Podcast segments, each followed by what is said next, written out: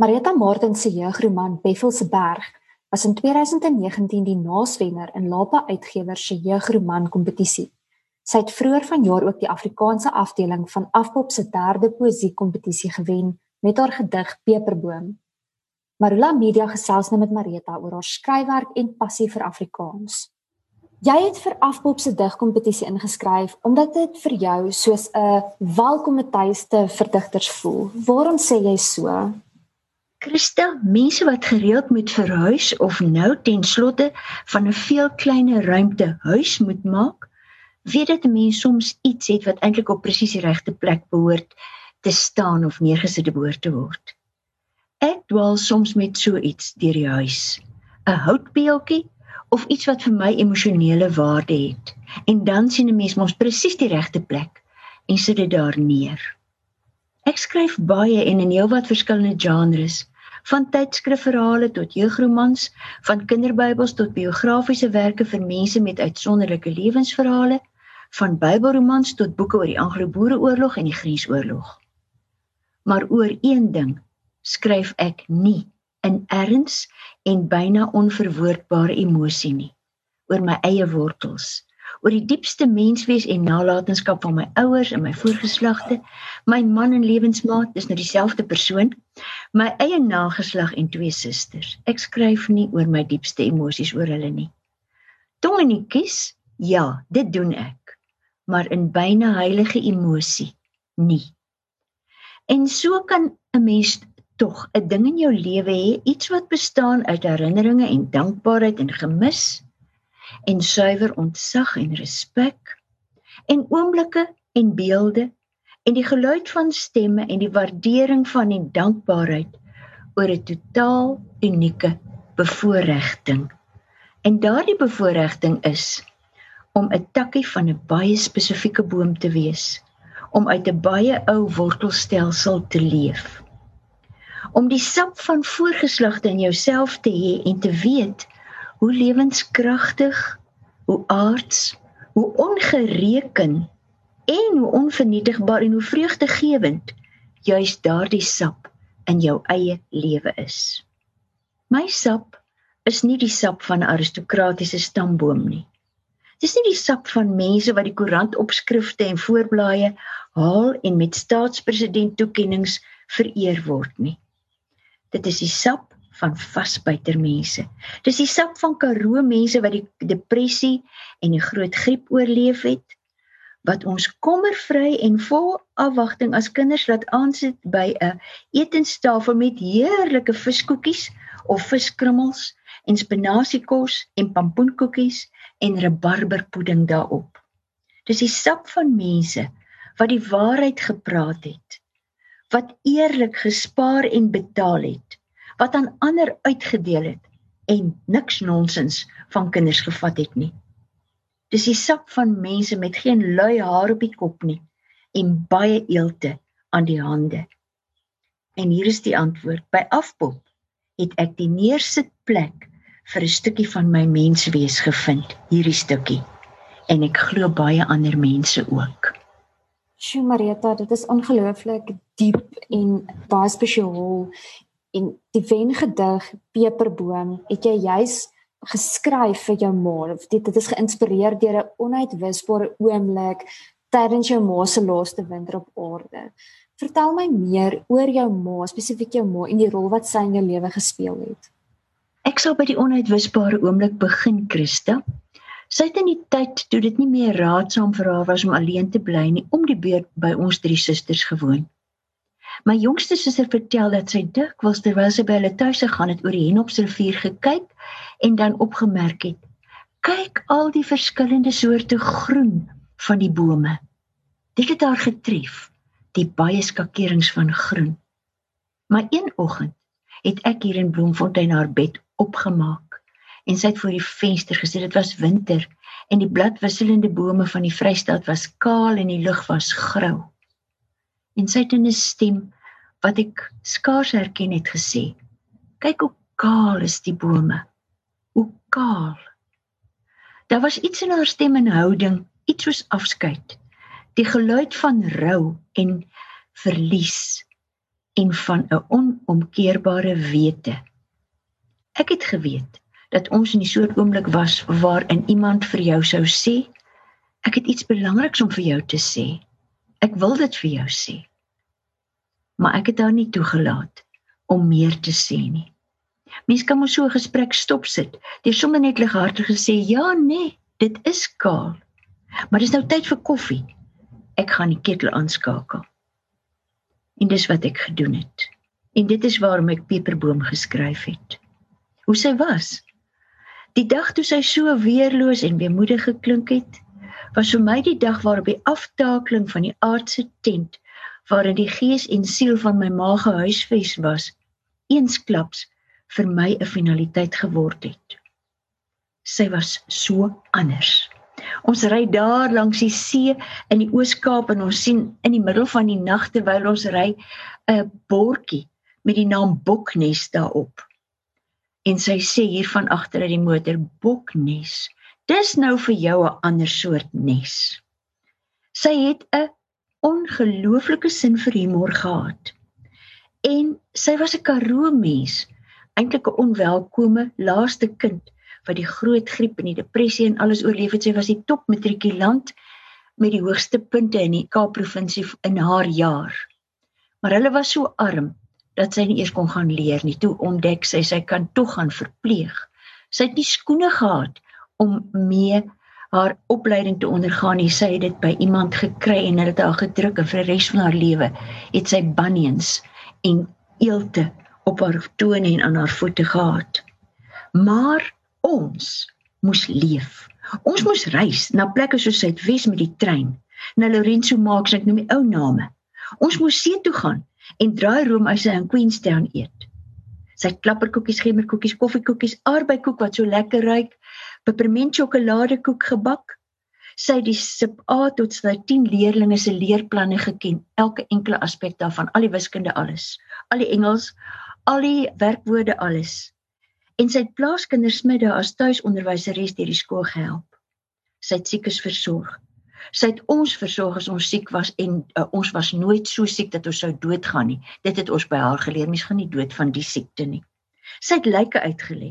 Sy het ons woning op Pietersburg saam met Dominee Skutte geïnisieer en bejaardes tot in haar eie bejaardheid as onbetaalde superintendent versorg en laat versorg. Sy het smidda haarself mooi aangetrek vir my pa en sy het hom Bokkie genoem en sy het oude koloon op haar gesprinkel vir uitgaan. En sy het ons in die holte van haar hand met sy artritisvingers groot gekry. Sjoe, Marita, sy klink soos 'n rolmodel in jou lewe en asof jy regtig 'n goeie voorbeeld gehad het van van iemand wat leiding geneem het as vrou in jou lewe. Absoluut. Mense sou haar nou nie beskou as 'n sagte ma nie, want sy was nie sag nie. Sy was sterk. Sy was sterk met sy kristalblou oë en sy was mooi met 'n soort van 'n germaanse mooiheid. Sy was mooi en sy het mooi na haarself gekyk met die beperkte middele tot haar beskikking en ons was nooit skaam vir haar nie. Sy was die soort mens wat nie koerantopskrifte gehaal het nie. Maar sy is in ons lewens ingegrafieer, haar hele menswees. Baie dankie dat jy dit met ons deel vandag, Marita. Dit is baie spesiaal. Ek wil graag ook verder gesels oor ander dele van jou loopbaan en Tot op hede het jy meer as 140 boeke in verskeie genres geskryf. Ons het vinnig nou gesels oor jou wengedig. Ek het toe gewonder, het jy dalk 'n voorkeur genre en indien wel, watter een geniet jy die meeste om te skryf? Ek hou van romans skrywe, Christa, vir volwassenes, kinders en tieners. En romans waarvoor ek navorsing moet doen, soos vir die Bybelroman Sara. En ek besef al meer dat romans waarin die lewe van gewone Christene uitgebeeld word, eintlik my voorkeur genre is want dit is wat vir my belangrik is. Daarom val biografiese romans in samewerking met die eintlike eienaar van die storie ook binne hierdie raamwerk. En wat het ek die meeste geniet? Daar's dalk twee. Een is Bethel se berg wat 'n jeugroman is en een is Sarah wat baie navorsing gevra het en 'n historiese Bybelroman is. En op die oomblik skryf ek aan 'n roman met die naam Klankgrens oor die lewe van vroue van grenssoldaat in die Bosoorlogtyd en alhoewel dit so bitter moeilik is, geniet ek dit geweldig. Nou Marita Bethel se berg het sopas daarvan gepraat, kortliks daar iets daaroor gesê was laas jaar die naaswenner van Lapa se jeugrieman kompetisie. Vertel my van die gesprek wat hierdie verhaal geïnspireer het en hoekom het dit jou verbeelding so aangegryp? Ek moes 'n spreker gewees het saam met ander sprekers by 'n Vrouedag funksie hier in Bloemfontein en ek was vroeg op my pos omdat ek 'n verdwaler is en bang was ek sou verdwaal. En so kom 'n ander spreker ook vroeg aan. Ons sit in die kantoor en wag om in te gaan na die saal. En ek vra so vir haar soos 'n mens vir iemand vra wat jy nie ken nie. Bly u al lankal in Bloemfontein? En sy sê vir my en dis 'n baie baie uitgeleese vrou. Sy sê vir my: "Nee, weet jy, my ma was 'n gypsy en ons het van plek tot plek gereis en ek het in hoeveel skole skool gegaan. Ons was die kinders van 'n gypsy ma." En ek sê haar: "Stop net asseblief net hier." moet vir my niks verder vertel nie. Maar mag ek asseblief hierdie tema gebruik in 'n jeugverhaal wat ek wil skryf? En ek het huis toe gekom, sê ja gesê. Ek het huis toe gekom met my eie jeugverhaal oor so 'n segener ma geskep. En ek bedoel al kinders. Bethal is een van die ma se kinders. Marita, hoe maak jy dan seker dat jou verhale soos Bethel se berg wat jy vir 'n jonger teiken mark teiken gehoor skryf. Hoe maak jy seker dat daai verhale, die dialoog en die karakters relevant bly vir die jeug van vandag? Christa, eintlik hou ek my duim vas. Verskriklik hard. Maar verder luister ek na jong mense en na my eie kleinkinders en maak soms 'n aantekening van 'n nuwe woord wat ek nog nooit gehoor het nie. Maar eintlik probeer ek hoor van hulle werklikheid, hulle belewennisse, hulle probleme, hulle manier van kommunikeer wat baie digitaal is en tegnologies is. En eintlik het ek besef daar is ietsie in enige boek wat mense die skrywer laat verduur. Hy verduur daai soort skrywer as hy net daai ietsie kan vind en dit is humor. So, ek dink as jy humor insit in enige boek, dan vergewe hulle jou 'n menigte dwaalinge dit is nou nogal interessant om dit te hoor. Jy weet in humor kan 'n mens help om baie situasies ook te hanteer selfs in moeilike tye. So hoewel die skryflandskap baie verander het in sekere opsigte, moet daar tog raad of wenke wees wat dieselfde bly ongeag van die veranderende landskap. Wat is die beste raad wat jy as skrywer ontvang het? Dit is tydloos. daarmee stem ek saam. Henny Oukamp het eendag vir my 'n persoonlike brief geskryf en dis die brief wat my die meeste geskok het en die meeste vir my ooit beteken het. Hy het vir my gesê Marita, jy gebruik te veel byvoeglike naamwoorde en bywoorde. En as emosie baie vel is, hoe veller die emosie, hoe minder woorde. En ek kan dit vinnig demonstreer. As mens by 'n graf staan van iemand wat jy baie baie liefhet, dan sê jy nie, "O, ek het so baie van jou gehou. Ek was so lief vir jou nie." Jy noem net daai persoon se naam. Dis al. Wie het die grootste invloed op jou skryfloopbaan gehad? My pa, ongetwyfeld en dan die onderwysers van hoërskool AJC Jooste wat toe nog hoërskool Petrusburg was. My skoolonderwysers en my pa.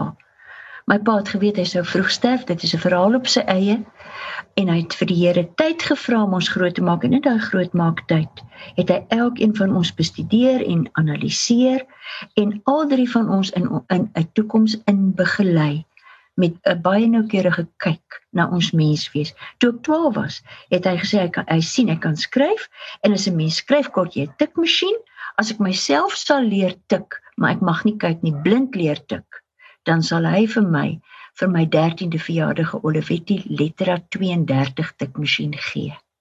En hy het dit gedoen en ek het myself leer tik. En toe het die woorde en die gedagtes na my vingerpunte gegaan en dit is nog altyd so. En waarom spesifiek Afrikaans? Hoekom is jy so passievol oor die taal? Het jou ouers en die omgewing waarbinne jy groot geword het bygedra tot die passie of dink jy dit is dalk iets wat miskien ingebore is, 'n ingebore liefde vir die taal? Ek dink daar is iets ingebore in enige kreatiewe of skepende kunstenaar, iemand wat musiek maak, iemand wat poësie maak, iemand wat beeldhouwerk doen of wat ook al. So dit is 'n ingebore iets en ek dink dit kom in die sap van die ou boom van al twee kante af. Maar dit is die taal waarin ek die Here leer ken het en en ek dink die taal waarin jy aanbid die taal waarin jy sy woord leer ken, die taal waarin God tot jou vir die eerste keer praat, is jou harttaal. En dan later kom die vreugde van taal by. Ag ek dink sommer net aan dinge soos ek een keer eers gelees, dit was in die WAT.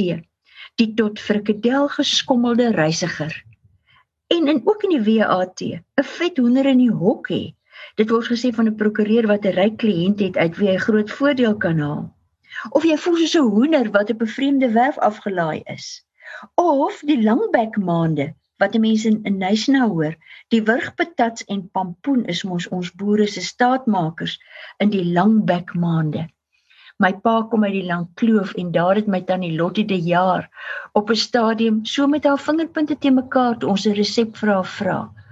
Toe sê sy en die speserye in daai stadige klank van die lang kloof, die speserye moet jy net beduie. Dis pragtig. Dit is so mooi om Afrikaans op nuwe maniere te ontdek. Ja, dit is 'n taal. Ag Christa, in watter taal kan 'n mens so praat soos ons Afrikaanssprekendes praat? Die hoenders aan 'n jakkals toe vertrou.